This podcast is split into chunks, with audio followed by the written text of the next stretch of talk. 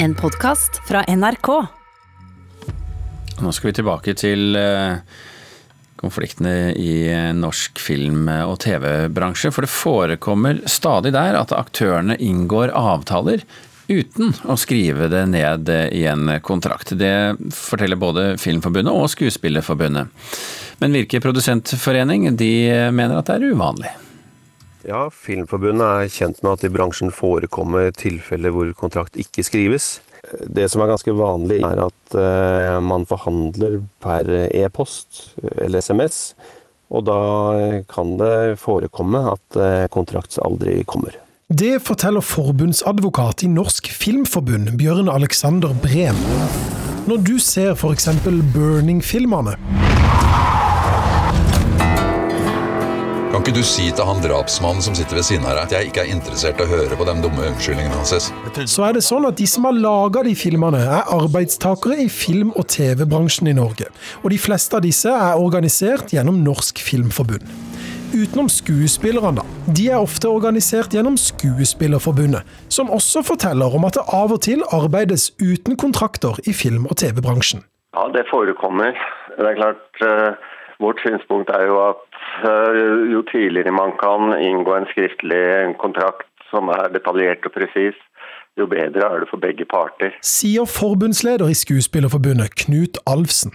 Stian Lango Nilsen er advokat og juridisk fagsjef i Virke Produsentforeningen, som representerer arbeidsgiverne i film- og TV-bransjen, altså de fleste produksjonsselskapene i Norge.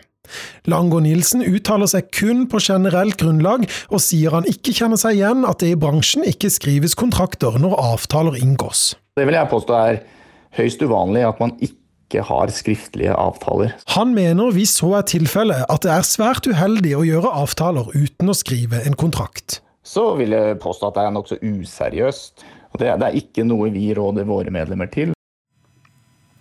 Reporter her, Christian Ingebretsen. Som mange har fått med seg, så ble det altså ingen internasjonal Eurovision-finale i år. Men det er altså 60-årsjubileum for Norges deltakelse i Grand Prix. Og i 1978, hvilken sang var det Norge sendte til den internasjonale finalen da? 78? 1978. Er det noen som husker det? Ja, det er det. For det var jo selveste Mil etter mil, Jahn Teigens ah. landeplage, som ble berømt fordi den fikk null poeng. Den husker vi. Men det som også skjedde, det var at noen land avbrøt sendingen og la ut et bilde av noe helt annet plutselig. For det skjedde noe de absolutt ikke likte. Men hva var det? Linda Eide og Sjur Hjeltnes på piano forteller.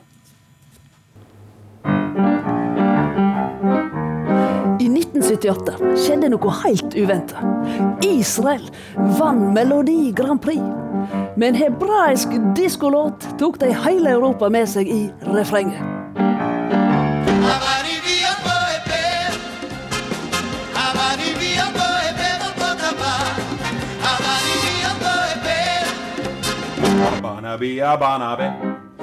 Som heime på Voss blei til det knallsterke refrenget. Slutt å banne og begynne å be. Men når vi hadde sunget fra oss, kom jo spørsmålet. Hvordan kan det ha seg at Israel er med i en europeisk konkurranse? Svaret er enkelt. Israel er medlem av Den europeiske kringkastingsunion, EBU, og har dermed full rett til å delta i Grand Prix. For EBU sine grenser følger ikke normale geografiske grenser, men telekommunikasjonsgrense.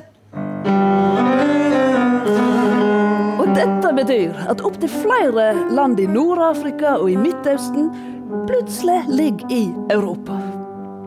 Til og med Jordan, Israels nabo og erkefiende, er medlem av EBU. I 1978 skulle Jordan sende hele finalen fra Paris. Og det gjorde de òg, iallfall en god stund. For hva gjør de når Israel kommer på scenen? Jo, de hopper ut av sendinga og viser bilde av et blomsterbed, før de igjen hopper inn i sendinga når neste nasjon er på gang. Men utover kvelden så blir det jo verre. For en sensasjon er jo på gang når Israel får den ene toppskåren etter den andre. Europa kan ikke få nok av hebraisk diskopop.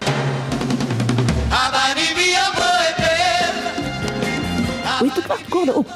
for jordansk kringkasting at Israel kan komme til å vinne hele finalen. Vi har en vinner. Det er Israel. Og hva gjør de da? Jo, det eneste de kan gjøre, de bryter av sendingen tvert. Takk for i aften og god natt.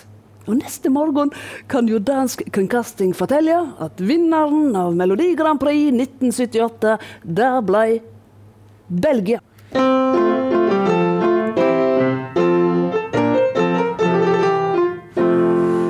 Det ble de kanskje glad for i Belgia, men det ble de ikke glad for i EBU.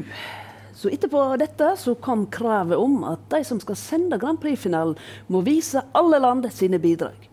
Noe som igjen fører til at en del land som kunne tenkt seg å sende finalen, ikke gjør det fordi de ikke vil syne fram sitt hatland. Til gjengjeld, om en ser Grand Prix-historien fra Jordan, så har altså Belgia vunnet to ganger. I Paris og i Bergen. Skjemme, skjemme, la vie. Skjemme, skjemme, la vie. Ja, litt tynn knagg, Sjur. Oh, hun var jo eh, jamgammel med meg, og jeg var helt håpløst forelska i Sondre Kim. Helt uforglemmelig å se på scenen i Grieghallen.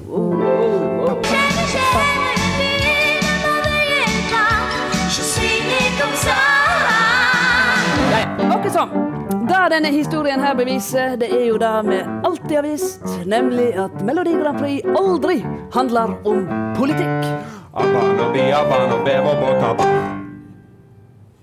Slutt å banne og begynne å be, sang vi da vi var barn på 70-tallet. Litt respektfullt antagelig. Linda Eide og Sjur Hjeltnes eh, fortalte denne historien. da. Wenche Myhleisen er en allsidig person som først ble kjent som dristig performanceartist på 70-tallet. På den tiden var hun tilknyttet et kollektiv i Østerrike som praktiserte og predikerte fri sex. Så medieforsker, kjønnsforsker, til slutt professor i Stavanger, før hun sa opp i protest mot utviklingen i akademia, og ble frilanser og forfatter på heltid. Den mest kjente romanen heter Kanskje det ennå finnes en åpen plass i verden. Den handler om den slovenske faren hennes som meldte seg til tjeneste for Hitler under krigen. Han mente at datteren burde forstå dette, siden hun også gikk imot eh, strømmen. Og årets roman heter 'Redd deg selv, lille hjerte'. Og litteraturkritiker Marta Norheim, eh, god morgen. God morgen. Hva er det Myhleisen skriver om denne gangen? Denne gangen skriver hun om Erika, eh, 65 år ca., som eh, savner å ha sex med mannen sin. Eh, hun tenker at han har liksom slutta å interessere seg for dette, og foreslår at de kanskje heller da skal fristille hverandre seksuelt, sånn at de kan, eller hun da i praksis kan ta seg andre partnere utenfor ekteskapet. Når hun lanserer dette, så sier han ja, men jeg er egentlig allerede godt i gang med ei yngre kvinne. Og da blir det en litt annen historie for Erika, for da føler hun at hun sjøl er blitt ført bak lyset, og det er for henne jamgodt med svik, sjøl om hun for så vidt eh, kan tenke seg et åpent forhold, men da må det nettopp være åpent også, eh, i den forstand at den andre personen eh, vet om det. så dette her sender jo sjokkbølger inn i Erikas liv. Og vi følger disse her sjokkbølgene gjennom romanen. altså sånn Raseri, sinne, kjensle av å bli sveken. Et enormt hat mot denne dama som hun tenker er feit, dum, stygg og teit. Altså, Vi er på et sånt, sånt nivå. altså Vi snakker sjalusi her, og da er ikke alle like, like eleverte i, i tanken. Så vi er innom en del sånne stasjoner. Men så kommer vi etter hvert også fram til stasjonen refleksjon, der hun begynner å tenke over hva er det som skjer her, hva er det jeg gjør, går det an å dele bord med en mann og ikke seng, hvordan skal man ordne dette osv. Så, videre. så da begynner en, en tankevirksomhet. Så det, det, er et slags kammerspill med både veldig heftige kjensler og tanker. Mm, trist tema, da? Ja, det er et trist tema, eh, men, men, hun er jo morsom og slagferdig og lett hysterisk også, denne Erika. Så det er ikke, det er ikke bare en trist roman. Men, men det er jo én ting Erika ikke kan gjøre noe med, og det er alderen. Altså, Mannen ønsker seg ei yngre kvinne, og hun stiller spørsmålet ganske direkte.